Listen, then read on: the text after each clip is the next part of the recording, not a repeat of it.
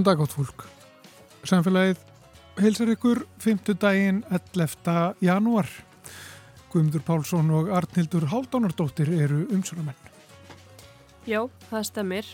Og við ætlum að fjalla þessum Grímsvöld. Það var snarpur jarðskjálti í Grímsfjalli í vatnajökli snemma í morgun. Hlaup er hafið í Grímsvöldnum, auki streymi í Gíu Kvíslu og auknar líkur á eldgósi. Eyjólfur Magnússon, vísindamadur hjá Jarðvísindastofnun Háskóla Íslands hefur undanfarið rannsakað fyrri hlaup í þessari virku eldstöð Grímsvötnum og hefur fylst náið með framvindu hlaupsins sem að nú stendur yfir og hann sest hjá okkur hér rétt á eftir.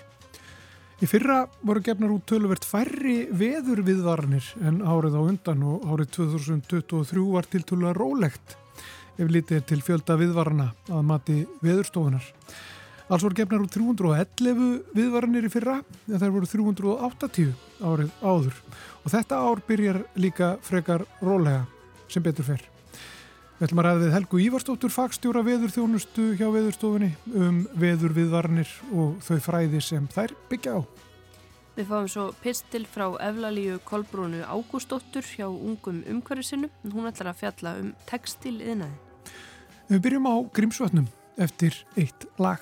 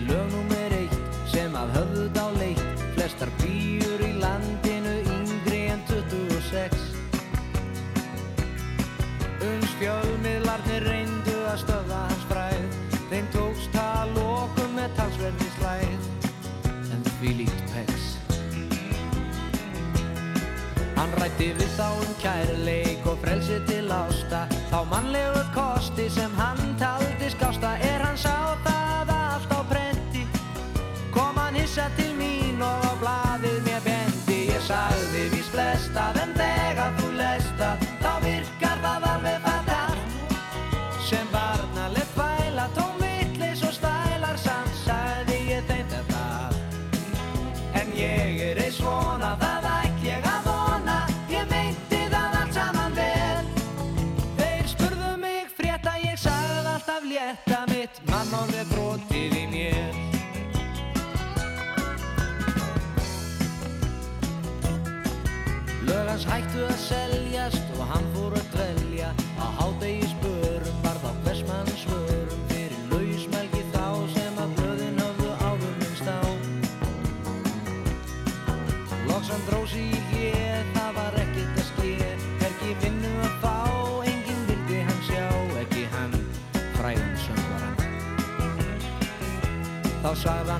stofna þá hljómsveit Við förum að spila, því ég þarf að koma Svo mörgu til skila. Og hann aftur var frægur og dáður. En þá kom öfundinn upp sem að feldi hann áður. Hann sagði, jú flestað, en þegar þú lestað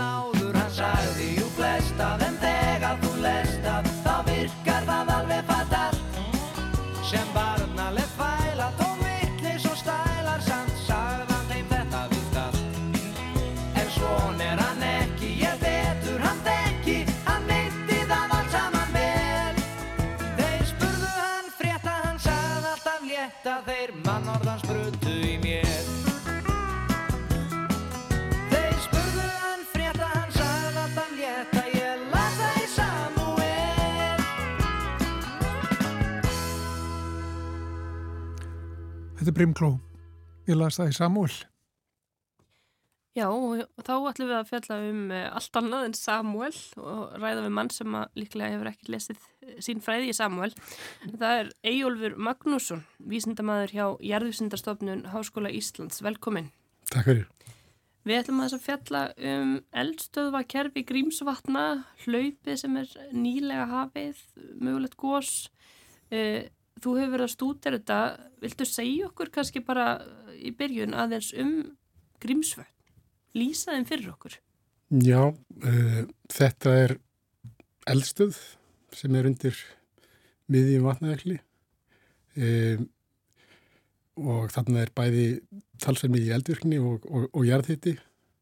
Uh, jarðhitin sem slíkur er uh, bræðir þarna að jafnaði kannski fjóra rúmmetra á sekundu sem að er svona eins og tvær eh, ellið ár í önnilegu reynsli. Og þetta er það sem að þau raun og veru er að gera bara allan ásins ring og, og, og sapna vatni og svo sapna grímsvöld eh, líka hérna eh, yfirborsvatni eh, eldstuðin sem slík er, er myndar östju þann undir eh, og askjan virkar eiginlega svona bara hálpartinn eins og baðkar þar sem vatnið e, rennur í. Og þetta baðkar er, er síðan með jökli ofna en af því að við erum búin að gegnum árin að, að e, mæla mjög mikið þarna ísjármæla, mæla hvað, hvernig, hversu þykkur ísin er og hvernig landið undir jöklum e, liggur þá svona þekkjum við raun og veru e, hvernig e, e, með því að mæla raun og veru hæðina á hellunni þá getum við vitið um hversu mikið vatn er í vötnunum. Hversu stort, stort hlaupið verður það? Já, já, hversu stort hlaup getur orðið uh, og þetta hefur verið gert núna í, í nokkru áratýr en eru búið að vera að reyka þarna stöð sem að mælir hæðina, reyndar með mis um, nákvæmum mælitækjum síðan 1990 eitthvað, ég man ekki nákvæmlega ártalið. Finnur Pálsson hefur bórið hittan og þungan af, af því sem kollegi minn á jarðurstofnun. Þetta er bara búið að setja mæli ofan á ísin? Já. Sem maður sígur þó bara með eða...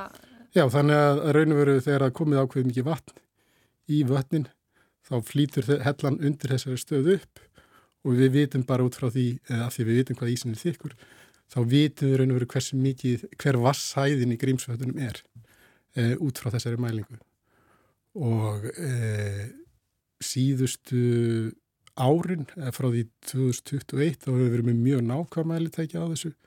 Þannig að við hefum getað séðræðinu verið upp á sentimetra líka við hvað hérna, hversu hátt er í vatnunum og, og hversu e, hratt er að renna úr þeim. Af því að eins og segi við þekkjum hvernig þetta, þetta baðkar e, er í læginu og e, þá getur við út frá því hvað baðkarið er stórt og hversu, hversu stórt svæðið að nær með fyrir ákveðna vassæð þá getum við reiknað raun og veru renslið út úr grímsvötnum. Og e, e, þannig að já við erum kannski svona endur e, venilum kringustæðum að, að, að sjá helluna rýsa um, um, um nokkru sentimetra á, á dag yfir sumarmániðina og, og jafnvel upp í 10 cm á, á dag þá erum við kannski komin upp í það að það renni vatn í Grímsvöld sem er kannski tíu eh, ellið ár. Eh, og svo eh, hérna mingar þetta verulega yfir, yfir vetratíman en svo eh, sjáum við síðan eh, stundum að það, í staðin fyrir að rýsa þá fyrir að síga í vatnunum eh, og við sáum þetta til dæmis í 2021 þá uh, byrjaði raun og vera að síga ára vötnunum uh, 14. november og svo var þetta svona fyrst rólegt sig og svo fór það að hraða á sér og þá var raun og veru hlaup hafið og úr vötnunum en við hins vegar sjáum ekki vatn koma fram í gíukvísl fyrir en kannski tíu dögum síðar Já, þannig að Þetta hlaup sem er nú hafið, við getum kannski rætt aðeins bara aðdrandra því það er ímislegt uh, búið að ganga á þessi stóri, tiltölu stóri skjálti í morgun og, en hlaupi það var ekkert að hefjast í dag, það er emitt búið að vera lengi í bígerð. Já, það má sannlega segja það sko vegna þess að við út frá þessari stöð sem við hefur, erum með í vöttunum þá sáum við raunu veru að það byrjaði að síga í grímsvötnum 1. desember. Já. Og við svona e, sátum aðeins á okkur með það að segja hlaup fari hafið vegna þess að e, þetta var fyrst rólegt og svo bara virtist þetta detta bara í svona stöðu en leka e, sagt, þannig að það virtist ekki alltaf þróast út í hlaup eða flóð e, og þetta held bara áfram til 19. desember en þá því miður datt gipiðstöðun úr sambandi og við hefum ekkert hýrt af henni síðar. Já, þessi síðan, eina sem er þarna. Já, ja, sagt, við vitum ekki alveg nákvæmlega á hverju þið er, kannski er, er bara stöðun orðin ramaslaus eða e, samskiptir hafa rofnað við hana, við vitum ekki, kannski er hún að mæla, kannski ekki. E, en þá höfum við annað tól sem að við raun og veru getum nýtt okkur sem er stjáltamælinu upp á Grímsjalli. Það er raun og veru Páll Einarsson sem ber ábyrða því að við svona, eða var fyrstur að reyka augun í það að við gáttum séð e, hlaupin sem svona óróa á stjáltamælinum og, og hann svona lærði að þekkja reynu veru e, þegar að, að vatn var að renna úr vötnunum e, út frá óróunum á, á stjáltamælinum. Já, þannig eru kannski komin að því að þegar ringtið á þann þá nefndiru og eða, sagðir orð sem ég hef aldrei heyrt áður og það er að þið hafið mælt vass óróa. Já. Það, það er, er fyrirbærið sem hann hefur fundið upp í raun. Eða, ég eða, segi það kannski ekki alveg en, en, en, en hann allavega eh, er, er, er fyrstur kannski til að greina þann uh, vass óróa uh, tengd, tengdur hlaupum úr, úr grímsvötnum. Og við raun að veru sáum það eiginlega að á sunnudagina þá var þetta orðið vorum farin að sjá nokkuð skýrmerki um það að líklega væri hlaup hafið. Eh, þegar við byrjum að sjá þennan eh, óróa þá er kannski renslið úr vöttunum komið upp í svona 50 rúmetra sekundu, þá erum við að tala um eh, 10-20 ellið ár. En og, og, og af því að við höfum sagt, bæði geta mælt þennan óróð síðust ár og við erum með mjög góða mælinga á því hvað er að gerast á hellinu sjálfur, hvernig hún er að síga þá við, getum við svona séð nokkuð, sáum við nokkuð vel fyrir að e, líklega myndi vatn fara að koma í gíukvísl svona e, eftir e, þrjá, fjóra daga sem einmitt gerðist í gerð við fórum að sjá vatni í gíukvísl af því að við raun og veru ja, stundum Eh, hefum við tilningu til þess að, að, að hérna, og við, það virkar oft að, að nota síðasta atbyrg til þess að spá fyrir hvernig næst er. Stundum bregst algjörlega, en í þessu tilfelli þá eh, gekk það bara mjög vel eftir að við, við sáum að einmitt ekki að að eða kannski e, á, á fríutarskvöldi að þá byrjaði að rýsa e, og e, já, og það semst, heldur bara áfram núna og við sjáum áfram þennan óróa vaksa úr, úr, úr grímsvötnum. Við erum líklega komin upp í svona eina þjórsá eða svo núna, 300 rúmutur að segundu, cirka bát í reynsli. Þetta er ekkert, stórkostlegt hlaup, oknar ekki innviðum eða... Nei, það gerir það ekki. Uh, fyrir að fyrsta þá náttúrulega erum við vanir stórum hlaupum frá grímsvötnum, þannig að, að mannvirkin uh, vegurinn við sandin og, og brúinu í gíkvísl eru hönnu til þess að standa af sér miklu stærri atbyrðheldur en þennan. Við erum kannski að, að fara að sjá fram á já, vassmagnið sem að er að fara úr vötnunum í þessu leipi er svona eins og fjórðungur og rúmkilometri. Ég gleymdi að reikna hvað það eru margar lögðarslögur en, en það er ansið margar eh, og við svona getum kannski búist við að hámasrænslið fari upp í svona þúsund rúmetri á sekundu. Já. En til dæmis hlaupið 2021 það svona nálgæðist 400 rúmatur sekundu Já. sem samt er bara e, tíundupartur að því sem var í hlaupinu e, þegar e, 1996 eftir Gjálpagósið. Og þá fór brú? Já, þá fóru já, gíu kvíslingur alveg, alveg eins og það laði sig og hluti stíðar og brúnum líka. Já. En sko þetta hefur svo ákveðin tengsl við líkindi á eldgósi, þessi hlaup. Það léttir þarna á, á þrýstingi og er, er það ekki einhvern veginn þannig sem þetta virkar? Jú, það við hefum séð það áður, við sáum það síðast 2004 að þá uh, var vissum að eldstöðin var komin svona ástæði byrjun má ég lega segja uh, og það var hlaup og það var uh, kannski halvurum kilometri af vatni sem að fór. Og það í því tilfelli þá var það nót til þess að, að koma eldkosi á stað. Við vorum síðan hins vegar líka með aðstæður nokkur ára setna, 2010, þá var komið álíka mikið magna af vatni í, í Grímsvötn. Og það hljóp og það var vitað að, að e, eldstöðin var líka orðin nálagt í að, að, að detta í gós, samt kannski ekki alveg eins, en það dögði gósið ekki þá til þess að koma af stað gósi, en svo gaus hálfur síðar. Í mætu já. já. Og þetta eru náttúrulega ösku gós alltaf jafna. Jú. þannig að innviðinni sem við ættum að hafa ágjur af það er kannski flug, flugi Já, það er einu veru e, ef að gósin eru svona eins og þau hafa verið undarfarið þá venjulega sem sagt hefur verið að gjósa næst grímsfjalli sem er að suður brún grímsfjallna öskjunar þar er ísin frekar þunnur þannig að þetta skapar ekki stór hlaup þó það gjósi. En hins vegar þá náttúrulega er þetta sprengigósa því að vatn kemst í kveikuna á smöndarinninni Þessi skjálti sem var í morgun uh, Já. Starrinni 4.3 Já. Hvernig sittið hann inn í þess atbyrðus? Nú er ég jöklafræðingur en ekki járstjáltafræðingur þannig að ég átt aldrei erfitt með að gera, eh, kannski segja til um það hvaðan þýðir en E, en þarf að vera samhengi þannig á milli eða er ekki endilega samhengi þannig á milli?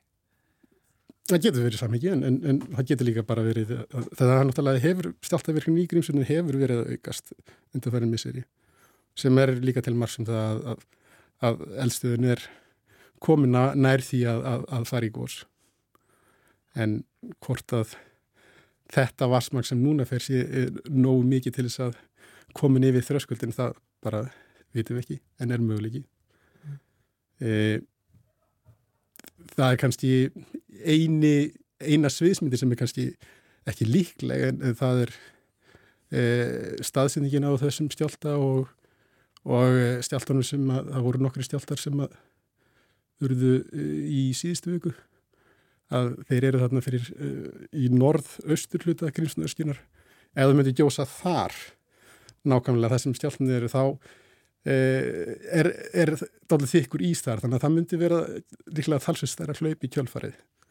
En, en, en líklegast að ef það gís þá líklegast að það sé næst fjallinu þar sem að ísin er þunur þannig að það er kannski ekki líklegs viðsmynd mm.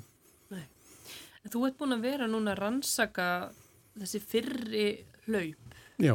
úr grímsvötnum og uh, hvers vegna finnst þér þetta heillandi að rannsaka þessi hlaup úr, úr grímsvötnum og hvað, að hverju hefur komist í þessum rannsóknum? E, já, ég er svo sem ég hef búin að vera að kannski meira að rannsaka hvaða áhrif e, þessi hlaup hafa á jökulinn þegar það er segja stýrjökul og það sem er kannski stjæmtilegt er að e, hlaupin sem slík þau virka svona eins og eh, smurning undir jökulin þannig að skriðjökulin sem slíkur hann fer á flegi ferð. Um, og e, og núna í, í hlaupinu síðustu tveimur hlaupinu þá hefur verið að fá raun og veru gerfinhættamindir svo kallar bildjúvíslmyndir sem margir eru kannski farnir að þekkja í tengslu við svona Reykjanesi sem að sína okkur reyfingu uh, í því tilfelli jarðskorpunar í, í, í tilfellinu sem ég er að rannsaka jökuleifbórsins og þar eins og til dæmis í hlaupinu í 2022 þá sjáum við reyna veru hvernig reyna veru flóðbildja uh, ferðast niður jökulin um, á mjög hægt, kannski 6-7 km á dag. En það líka útskýrir af hverju við erum að sjá vatn eh, fara úr vötnunum alveg viku tíu dögum áður en við erum að sjá vatn eh, koma fram í gíukvísl. Það tekur bara ákveðin tíma fyrir eh, þessa flóðbyldi að komast þannig niður og það sem er kannski líka verðt að hafa í huga er að vatnið eh, frá grímsvötnum að á, í hámarki hlaupana þá er stór hluti af vatninu en þá undir jöklinum. Þannig að eins og til dæmis í hlaupinu 2021 þar sem var, hátt í rúmkilometra vatni sem stílaði sér úr grímsvötnum þá í hámarki þess hlaups þá var þriðjungurinn af því vatni undir stíðarjökli. Og til þess að við getum komið því vatni fyrir þá eru svæði á stíðarjökli sem eru kannski að liftast um 2-3 metra bara út af þessari, uh, þessu vatni. Já. Og þetta er náttúrulega nót til þess að, að jökullin hann kannski tífaldast í, í, í, í, sagt, hvernig hann reyfist fram á við. Sko.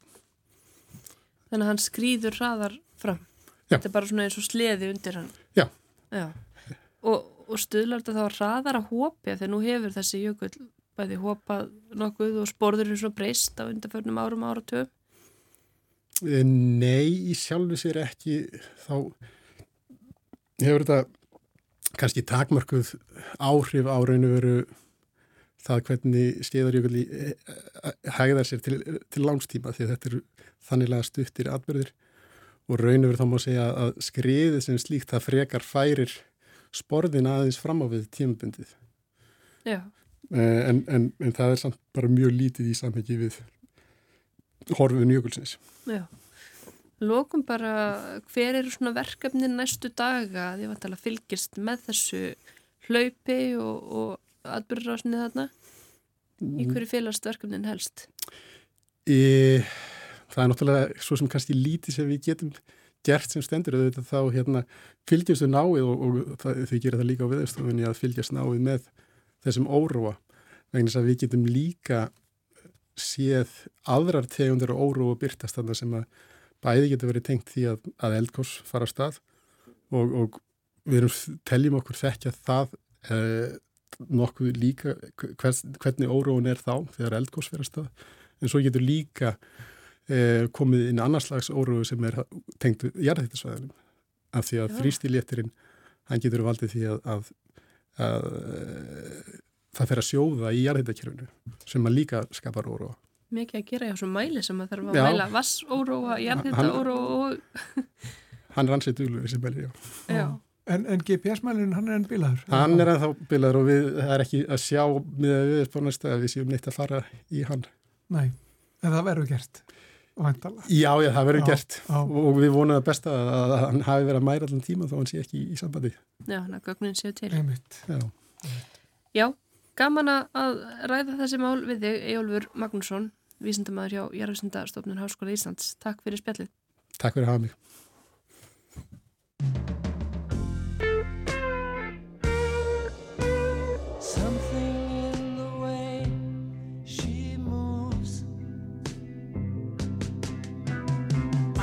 attracts me like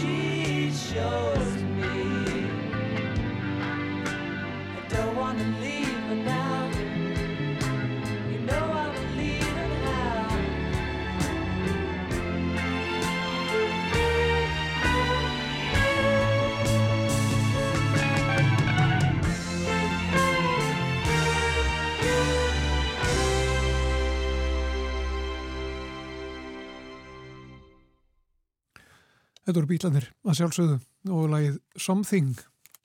En áfram í samfélagið. Þá er sérst hjá okkur Helga Ívarsdóttir, hún er fagstjóri veðurþjónustu um, á Veðurstof Íslands. Já. Verður velkominn til okkar. Takk fyrir. Okkur langar þess að tala við þig um viðvaranir. Þetta viðvarana kerfi sem að, að þeir eru með hjá Veðurstofni. Og við þekkjum þetta, þetta er náttúrulega gular, appelsunugular og rauðar viðvaranir eh, sem að koma nú nokkuð reglulega. Um, síðasta ár, já, það var ekki mikið um viðvarnir, ef maður getur sagt það. Er svona miða við fyrri ár. Það var svona tiltölulega rólegt, segið þið. Jú, það var tiltölulega rólegt. Uh, við, þetta kerfi tók, var sett í gang uh, 2017, 1. nógumber, þannig að við erum komið með rúmlega 5 ára reynslu af þessu kerfi og við höfum gefið út svona cirka 380 viðvarnar ári að meðaltali en síðasta ár þá voru það einungis 311 þannig að við erum nokkur undir meðaltali. En árið þar og undan 2022 það var einna verst að, og síðan 2020 þannig að þetta eru erfiðustu árin síðan þetta kerfi tók var tekið í nótkunnu viðstofunni. Já. Og skýri, er eitthvað skýringar á því okkur þetta var svona í fyrra? Er það bara Þannig var bara veðri í fyrra. Já, þannig með veðri. Veðri er mjög breytilegt og, og þannig að við erum í erfiðustu mánu núna með við það sem að sér að janúar, februar, þeir eru erfiðastir með við vonsku veður og februar hann er erfiðastur. Þar er að meðaltali gefnar út 100 viðvarnir þó að februar sé stiðstur. Þannig að februar kemur bara sterklega fram sem sigurveri í viðvarna keppninni. Já. en svo er þetta bara mjög breytilegt. Og maður sér þess að 2022 þá voru fjögur rauð veður sem að gengur við landið en ekkert í fyrra. Já. Og þetta eru mismunandi sko það er, það er uh, vindur og úrkoma uh, snjókoma, hríð uh, hláka jafnvel, þetta, eru, þetta eru nokkur svona Eh, nokkra tegundir af viðvörunum eða nokkrar, getur maður sagt, ástæður fyrir viðvörunum Já, það er rétt. Við, þetta eru sex þættir sem við erum að, að gefa viðvörun út á. Það er vindur sem er lang algengustur og það er um 50% af viðvörunum er vegna vinds. Síðan er hríð sem er 40% þannig að þessi tveir þættir taka 90% af öllum viðvörunum. Þar á eftir kemur ryggning svo snjókoma og asalháka og svo við gerum við líka viðvann vegna eldinga en það er mjög sjálfgeft. Já, en hefur gerst? Já, það hefur gerst. Og erstu þetta síðan síðast? Mástu það? Nei, það er svolítið síðan. Þá tengist oft einhverjum eh, erfum veðurum, stóru, hérna, kraftmiklum skilum sem gangi við landið. Já, það þarf ekki að vera viðvörun vegna um, annars konar eh, veður sem að tengist í, eða hvað? Nei, við erum náttúrulega... Það er ekki líklar í appisínugullu að það sé eldinga viðurinn? Nei, alls ekki. Stundum, stundum er það á sömrin þegar við fáum þessar stóru skúra klakka sem myndast og kemur bara miklar eldingar. Það gerist nú í fyrra. Ég er ekki með á reynu hvort það var gefin út viðvörun. Þetta kom svolítið óvörum. Það myndaðist svona, svona stór klakki yfir miðhálendinu og, og, og komu all margar eldingar. En það sem við teljum margar eldingar er erlendistali lítið. Á, umvitt. Um, hvernig er þetta hugsað svona þetta kerfi ef við, ef við pælum aðeins í því? Já, kerfið það byggir á samfélagslegum áhrifum. Þannig að uh, guðlviðvörun þá erum við með uh, nokkur áhrif og það getur verið staðbundin áhrif. Síðan ef við förum í appisínu guðla þá búst við með miklum áhrifum og rauð þá er það mjög mik mikil áhrif. Þannig að, þannig að það segir, liturinn segir ekki hversu mikil vindur er eða úrkoma, heldur er það miða við samfélagslega áhrif og þá breyta svolítið þröskuluna eftir, eftir ástíma, eftir tímasetningu þannig, og staðsetningu. Þannig að höfuborgarsvæði þá þúlir mun minni vind heldur en til dæmis Suðausturland sem er vant miklum vindkviðum. Enga síður fæstar, fæstar viðvaranir á höfuborgarsvæðinu eða hvað? Já, höfuborgin er mjög viðfarslega vel staðsett. Það er, það er ótrúlega hvað, hvað er lítið um óveður í höfuborginni. Já. Hvað eru flestar viðörnir gefnar út? Eh, þær eru á Suðausturlandi.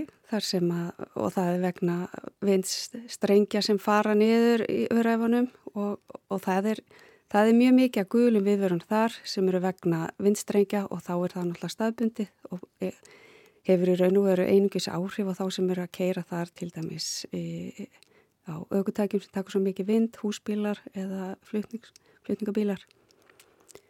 Er þessar ákarni, hvernig eru þær teknir? Sko? Er, er, er fundur þar sem að þið svona skoðið kortinn og spárnar eða er þetta sjálfurst eru líkon sem er að reikna og, og kemur svona kannski flagg og segir, heyrðu, nú ég sniðust að gefa þetta öðrun? Sko, þetta er, þetta er markþægt. Gul viðverðurinn, hún, hún, það krefst ekki mikil fundarhalds. Það er í raun og veru viðfrængur á vakt sem tekur ákvörnum það út frá bara gögnum og svo náttúrulega næsta vakt kannski og það eru rætt um það á vaktaskiptum.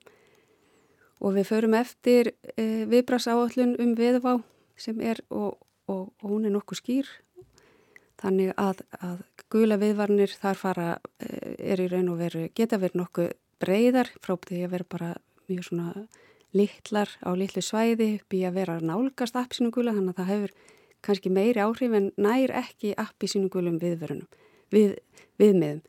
En e, þegar við förum í appi sínum gulan að þá er samráð milli viðfrænga að minnst okkur sér tveggja. Það sem að við ræðum málinn og síðan er við með eh, fundi við almannavarnir og aðra hagsmunnaðæla alltaf við stúan klokkan tvö. Og þá er þetta rætt. En ef, um, ef við teljum að, að veðri gæti orðið raukt að þá, þá tekum við í raun og veru næst í fasi þar sem við, við kvöllum út í raun og veru alla viðfræðinga sem hafa reynslu til að leggja sýta mörgum og ræðum ræðum hvað viðstúan í raun og veru leggur til, síðan er það lagt á borð hjá almanuvörnum og þetta rætt. Og þá er sameila tekin ákvörn um þá að fara yfir á, á í raukt ástand og þá náttúrulega fer ímislegt í gang líka þar. Þannig að þetta er... Já, það þarf náttúrulega að ígrunda það vel vegna þess að áhrifin, samferðslega áhrifin geta einmitt verið tölverð, ekki bara veðrinu heldur líka bara af því að gefa þessa veðurinn.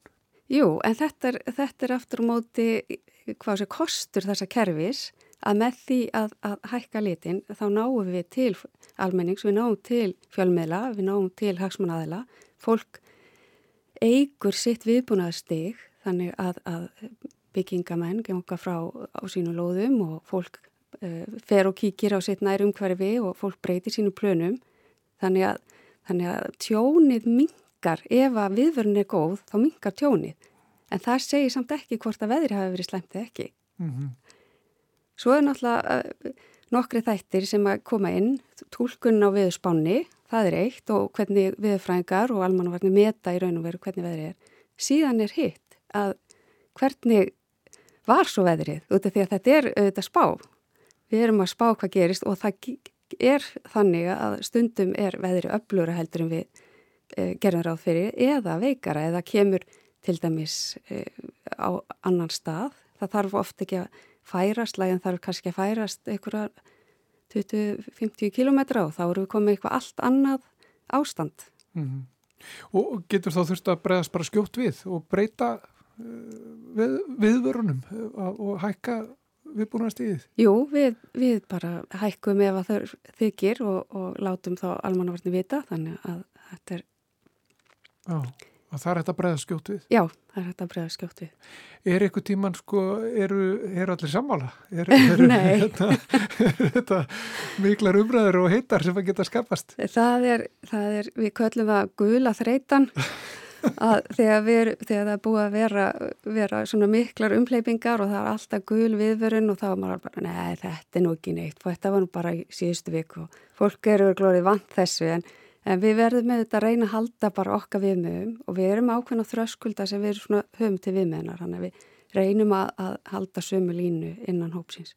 Já, maður hefur svona tilfinningunni að þetta kerfi, þetta veður viðvöruna kerfi, hafi haft áhrif líka bara umræðina um veður í yeah. samfélaginu. Að það er sko, það er sagt frá því að það er viðvörun og það er, það er fólk ræðir það alveg öruglega í heitapottinum hvort að það sé allir séu búin að búa sig undir rauðu viðvörununa til dæmis eða appilsungulega veðri sem er á leðinni.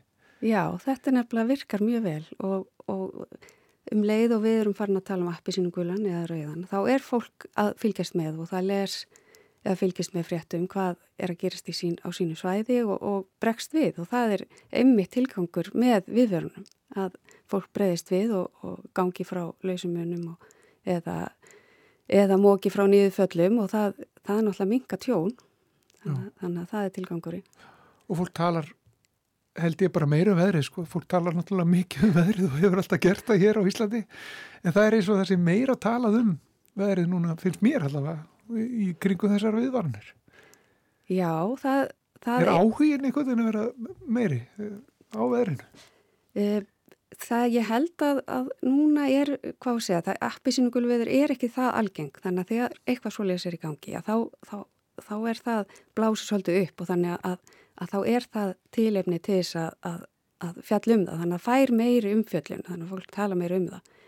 En eh, eins og þetta var þegar við vorum að reyna að segja búist er við stormiða róki og þá fjall það bara einhvern veginn inn í, inn í allt og við náum ekki aðtegli, maður var grátt byggja um aðtegli fjölmiðla ef það var eitthvað vond viðri aðsi en, en það náði ekki til fólks.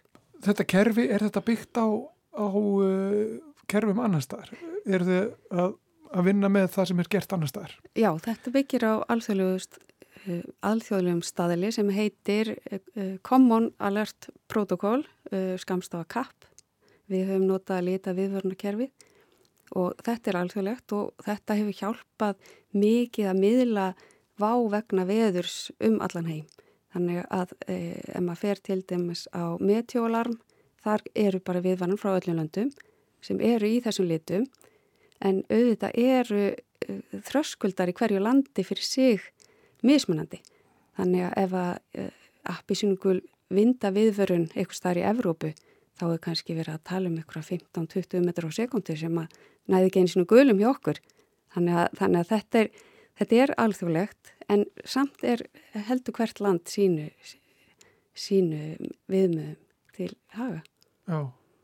Eh, hafið þið eitthvað tilfinningu fyrir sko skilningi almennings á veðri og, og svona að þegar að fólk heyrir viður spá í útvarpi til dæmi sko að fólk skilji almennilega hvað er Já. hvað er verið að segja og hvað, hver áhrifin eru og hver munurinn er á sko ef að vindurinn er úr einni áttin ekki annari og, og svo framvegs á ákveðnu stöðum og Fyrst ykkur þetta, veistu hvort þetta hefur breyst eða?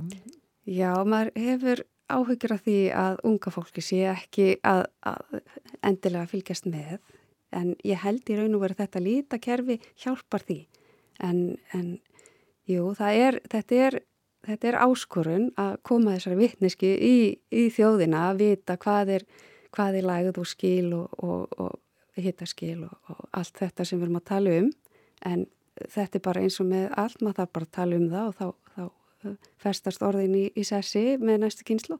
Já, og svo þetta fólk sem að býra á okkur stöðum, það veit að ef að vindurinn eru ákveðin átt að þá, þá verður alltaf ófært þarna eða þá er rigning sem að kemur hingað og svo framvegs, þó það sé ekki akkurat sagt frá því endilega. Já, það er alveg rétt. Þeir sem búa, þeir vita í raun og veru eins og Snæfellsnesi sem er á norðumveri Snæfellsnesi, þeir vita stíf sunnanátt, það þýðir mikla kviður og mikið óveður. Þeir í raun og veru vita þá og eins á þá sunnavörðu, þá er það norðanáttin sem að steipi sér þarna niður. Þetta er, þetta er varhugarsvæði í, í sunnan og norðanátt, þá sikkur með við og ótrúlegt að við tölum alltaf við um hljemegin þar sem í raun og veru mesti vindur nér þá að því að þar steipist vindur niður en svo áveður þar sem að minni vindurinn er þannig að þetta er svona áhugavert En hér í höfuborginni og höfuborgarsvæðinu er veður mjög mismunandi? Já, það er mjög mismunandi og maður hefur alltaf flestir hafa heyrt um esjuskjólið sem er ótrúlega dýrmætt þannig að maður er vestri bæ og þar er stífur, vindur og kallt og svo fer maður aðeins austar í borgina og það er bara sól og, og hiti og indislegt Eh, að samaskapi er, er annað veður í efri byggðum. Þannig að þetta kemur upp oft í, í, í sambandi við þessi viðvarnir við erum í sambandi við til dæmis slökkvöldborgarsvæðisins og þeir hafa gefið út góða bæklinga fyrir skólastjórnendur og, og forraða menn hvernig að bregast við í mismunandi uh, lit á viður, viðvörunum. Og þá að tekja svo ákvörðun að taka bara allt svæðið sem heild þó að við vitum að til dæmis í fórsvogi að þar er bara ekki mikið veður. Mm -hmm. en, en þá er náttúrulega kennara sem er að kenna þar. Þeir eru kannski heima upp á kjalanissi eða upp í efri byggum þannig að, þannig að það gildi bara sama með eh, hvar sem þú ert á höfuborgsvæðinu ef það er rauð viðvörun að þá er raun og veru er, er skólum loka þannig séð Já. þannig að það er að nálgast þessu upplýsingar á heimasíðinu hjá þeim þannig að Þannig að þetta, þetta hefur alveg, alveg aukið skilning held ég eins og skólastjórnum og, og forraðmann hvað þeir eiga að gera sagt, þegar verið er að spá ykkur veðri. Já, og samráðið er mikilvægt og, og samtalið. Já, það er það nefnilega og þá er mitt koma fullt frá þeim á, á samráðsfundi okkur þannig að þá lýsum við í raun og veru hvað þess að hvena veðri er í hámarki, hvena gengur niður og þá eru oft ráleggingar, þú veist, sæki börnin snemma eða, mm. eða hingrið aðeins lengur heima og farið svo á stað og, og þess aftar. Já, og þó að trampolínin séu, séu örg í, í fórsváinum að þá þurfa þau ekki verið annar staðar. En enga sér þá gefin út veð, veður viðurinn sem gildir um allt auðborgarsvæð. Já, einmitt, einmitt.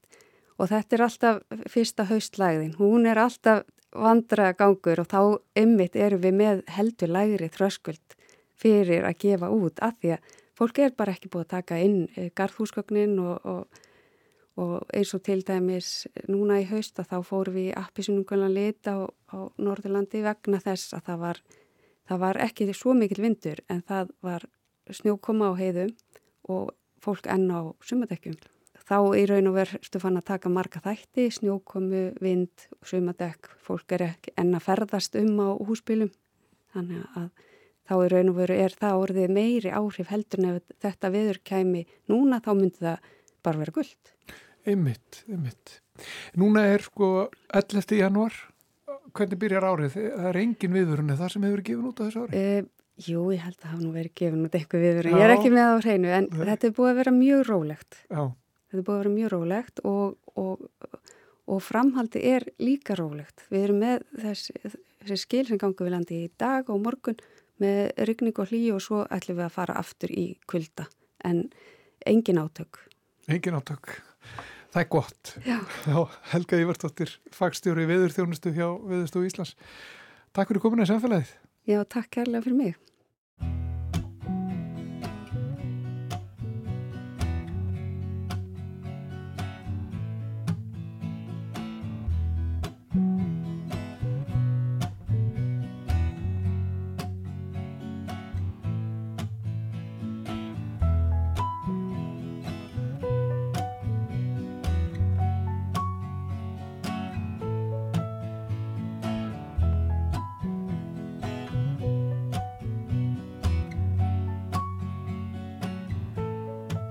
My review. I watch you watching the twilight behind the telephone lines with nothing to prove or to assume. Just thinking that your thoughts are different than mine in my review. I watch you and I gave you your life, but you give me mine. I see you slowly swim away the light is leaving town to a place that I can't be. But there's no apologies, just go on, just go on. There's still so many things I wanna say to you, but go on, just go on. We're bound by blood that's moving from the moment that we start, from the moment that we start.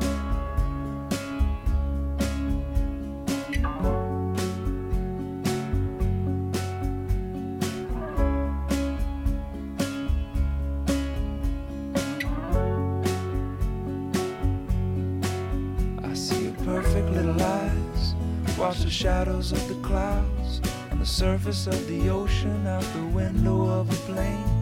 I get nervous when I fly, I'm used to walking with my feet. Turbulence is like a sigh that I can't help but overthink. What is the purpose of my life if it doesn't have to do with learning to let it go? live vicariously through. You could do the same. It's the least you could do, cause it's a lonely little chain. You don't have to it, so go on. Just go on. There's still so many things I wanna say to you, but go on. Just go on. We're bound by blood and love. From the moment that we start, just go on. Just go on. There's still so many things I wanna say to you. Just go on. Just go on. We're bound by blood that's moving from the moment that we start. From the moment that we start.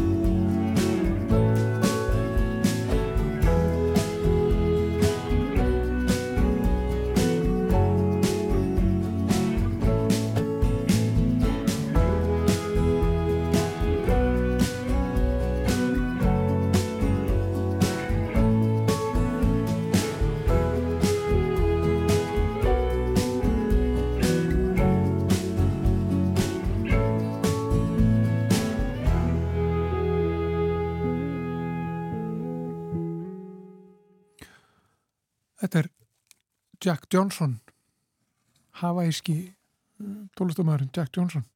Eða hann er mista kostið alveg upp á Hawaii. En uh, við rákum augun hér í nýja umfjöllun á, á vísindavefnum. Já, Og Guðrún, Kvaran er að spara, svara þarna spurningu einn af mörgum sem hún hefur svarað Já, á vettvangi vísindaversins það er spurningin hvaðan kemur orðið vesen? Já, Hvaðan kemur vesenið? Og við, fyrsta sem maður hugsa er náttúrulega danska Já. og það er rétt sko það er, það er danska Já, gefum það bara upp strax. Já, orðið vesen, vafstur, óstand er tökurður dönsku vesen með æ, vesen frá Vesen. átjandöld og helsta dæmi í rítmálsafni orðabókar háskólas er úr annálum frá fyrri hluta átjandaldar og ganga þeirra Otts og Páls Bægers í millum sífæld bóð um allt þetta þeirra vesen. Allt þetta þeirra vesen. Nú langar mig að vita meira um allt þetta þeirra vesen. Í hverju það fólks nú? Já, kannski meira um, um uh, það síðar. En það komið að uh, umhverfispisli. Það er Eflalía Kolbrún Ágústóttir, ungur umhverfisinni sem tekur við. Tekstíl sem samheiti yfir hvers konar vefnaðarvöru er partur af daglígu lífi okkar og er hann allt umkring. Í fötunum okkar, húsgögnum, teppum, handklæðum og rúmfötum svo eitthvað sé nefnt. Samkvæmt umhverfistofnun Evrópu er tekstíltalinn fjórði stæsti umhverfistáttur okkar einstaklinga á eftir húsnæði, samgöngum og matvælum.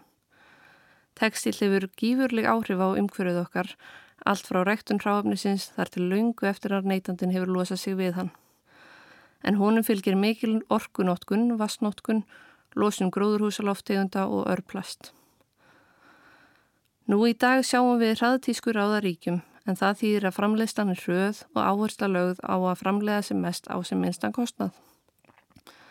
Þetta er gert til þess að halda í við tískuströymana sem framleiðendur leggja áherslu á að breyta hratt. Þessu til er stittri líftími fatnaðar þar sem lítil áhersla er lögð á gæðir, hráhafna og framleiðslu og viðskiptin ganga út á að búa til þörf hjá einstaklingum til að vera stuðugt að endur nýja. Þetta sínur sér til dæmis í því að hver einstaklingur losa sig við um það byrj 20 kíló af tekstíl á ári.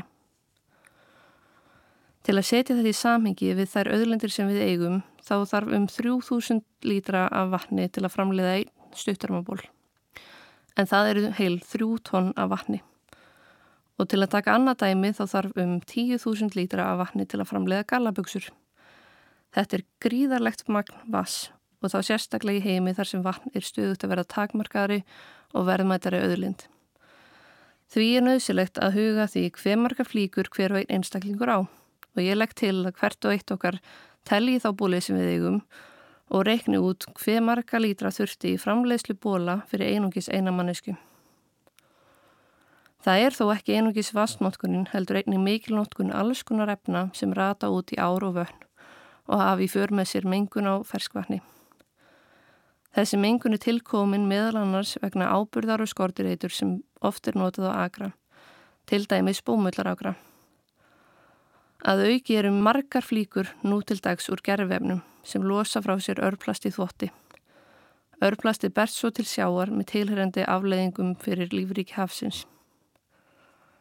Aralvatn var fjórðastæsta stöðuvatn heims, þar sem mikið og stort vistkjörfi var, bæði í vatninu og í votlendinu og skólendinu í kring. Vatnið var það stórt og það ríkt af lífríki að bátótgerð var starfrækt við veiðar á því. Um meðja síðustu öld voru fljótin sem liggjaði vatninu nýtt til áveitu og ræktunar á hrískurnum og bómull sem er eins og áðursæði bæði mjög vassfrækt ferli og skilaði af sér menguðu vatni í jarðvegin. Þetta hafði þau áhrif að fljótin skiluði sér ekki lengur í stöðuvatnið og vatnið í jarðveginu var orðið mengað. Árið 1998 hafði ströndin ferst fram allt að 75 km og flatarmál vassis mingað um 60%. Árið 2014 var vatnið nær horfið. Þetta hafði för með sér mikil áhrif á vistkerfið þar sem vistkerfi vassins hrundi. Lítið þrýfst í því litla vatni sem eftir er og þar sem áður var strönd að vatninu liggja nú riðgær bátar á þurru landi. Í dag er staðan svo að bómullar og hrísgruna agranir sem vatninu var veitt til eru svo efnahagslega mikilvægir að ekki eru vonir um að árnar fái að renna óhindrað í aralvann að nýjum. Það skal ósagt látið hversu mikil áhrif lótsarsbreytingar hafa haft á afdrif þessa fyrrum stóra vass og hver örlug þess hefðu verið ef vatni hefði ekki verið veitt til yrkju. En ef við beinum kastljósinu að okkur sjálfum, hvað er það sem við getum gert? Við getum keift endingabetri fatnað, hugsað vel um hann, svona slikni síður og þar á leiðandi keift minna. Við getum einnig kynnt okkur stefnur framleiðenda í umhverfismálum, hvort að framleiðslan sé umhverfisvottuð sem og aðtúað úr hvaða efnum flíkunar eru til að minka umhverfisáhrif þessum við kaupum. Ávald skal hafa í huga að kaupa frekar notað en nýtt eða fá lánað og eru þau fjölmörgu framtök sem hafa komið fram á síðastlinum árum svo sem spjara, loppurnar og rauðigrássin frábæri staði til að kíkja á þá ættu við að hætta falla fyrir sí endurteknum útsölum og tilbúðum líkt og við sjáum núna í janúar eftir gífurlega neyslumikla mánuði í lók síðast árs. Þá þurfum við einnig að leggja okkar á mörgum til að færa textiliðnað úr línulegu kerfi í ringarásarhagkerfi. Með línulegu kerfi er átt við að vörur séu framleitar, notaður í stutnum tíma og svo enda þær í urðun. Hins vegar snýst ringrásarhagkerfið um að auðlitum sé haldið í hagkerfinu með því að deila, gera við, endur nota, endur framleiða og endur vinna.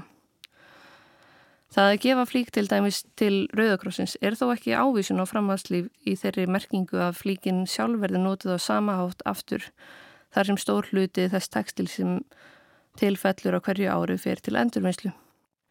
Með öðrum orðum þá getur það verið ákveðin blekking að telja sjálfu sér trú um að fatnaðar sem skilað er á endurvinnslustöðar verði nýttur aftur. Það myndi því teljast talsvert betra að kaupa endingargóð född sem maður nýtir lengi og vel í stað þess að fara með hann í gáma og vonast til þess að hann nýtist áfram. Þó skal það tekið fram að ávalt er betra að koma fatnaðinum í viðegandi flokkun í stað þess að hann endi í urðun. Fyrst og fremst þurfum við að bæta hvað við kaupum og hvernig við hugsum um og nýtum þá hluti sem við eigum nú þegar.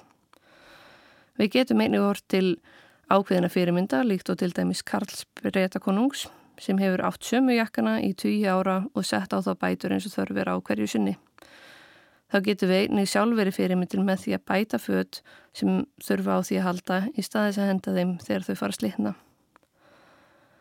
Ég sótti viðbyrðin þráðathón síðastleina helgi en það var opið lausnamót gegn textilsóun sem var haldið á við um klag og umhverjastofnunar. Þar var áhersla lögð á laustin sem sporna við sóun textils og komu fyrirtæki fram með sínar áskoranir. Þar komu til að mynda fram fyrirtæki eins og IKEA, Dive.is, Rauðikrossin og Landsbítalinn. Viðbyrðurinn var mjög fræðandi og var ótrúlega gaman að sjá teimin vinna að lausnum við áskorunum bæði fyrirtækjana og samfélagsins í heild. Þau leitiðust meðal annars eftir því að koma fatnaði áfram í umferð hvernig væri hægt að endurnýta og endurvinna hann. En eftir þannan viðbyrð var mér efst í huga hversu magnaður sköpunarkraftur fólks getur verið þegar það kemur saman og einbeiti sér að því að vera lausnum með það og hef ég fulla trú á því að með svona vinnu getur við fundið lausnir við mörgum vandamálum. Þetta laug písli Eflalíu, Kolbrunu Ágústóttur hjá ungum umhverfisinu og það sem að geta við fjöldum með mitt um þráðathónið í samfélaginu á mánudag. Já, og þá má finna það í spilararúf að sjálfsögðu. Já, og alla þætti samfélagsins. Eins og allt sem við segjum hér. Já. en við komumst ekki lengra komast ekki lengri í dag með samfélagið Guðmundur Pálsson og Artildur Haldunadóttir þakka fyrir sig. Við heyrumst á morgun. Verið sæl.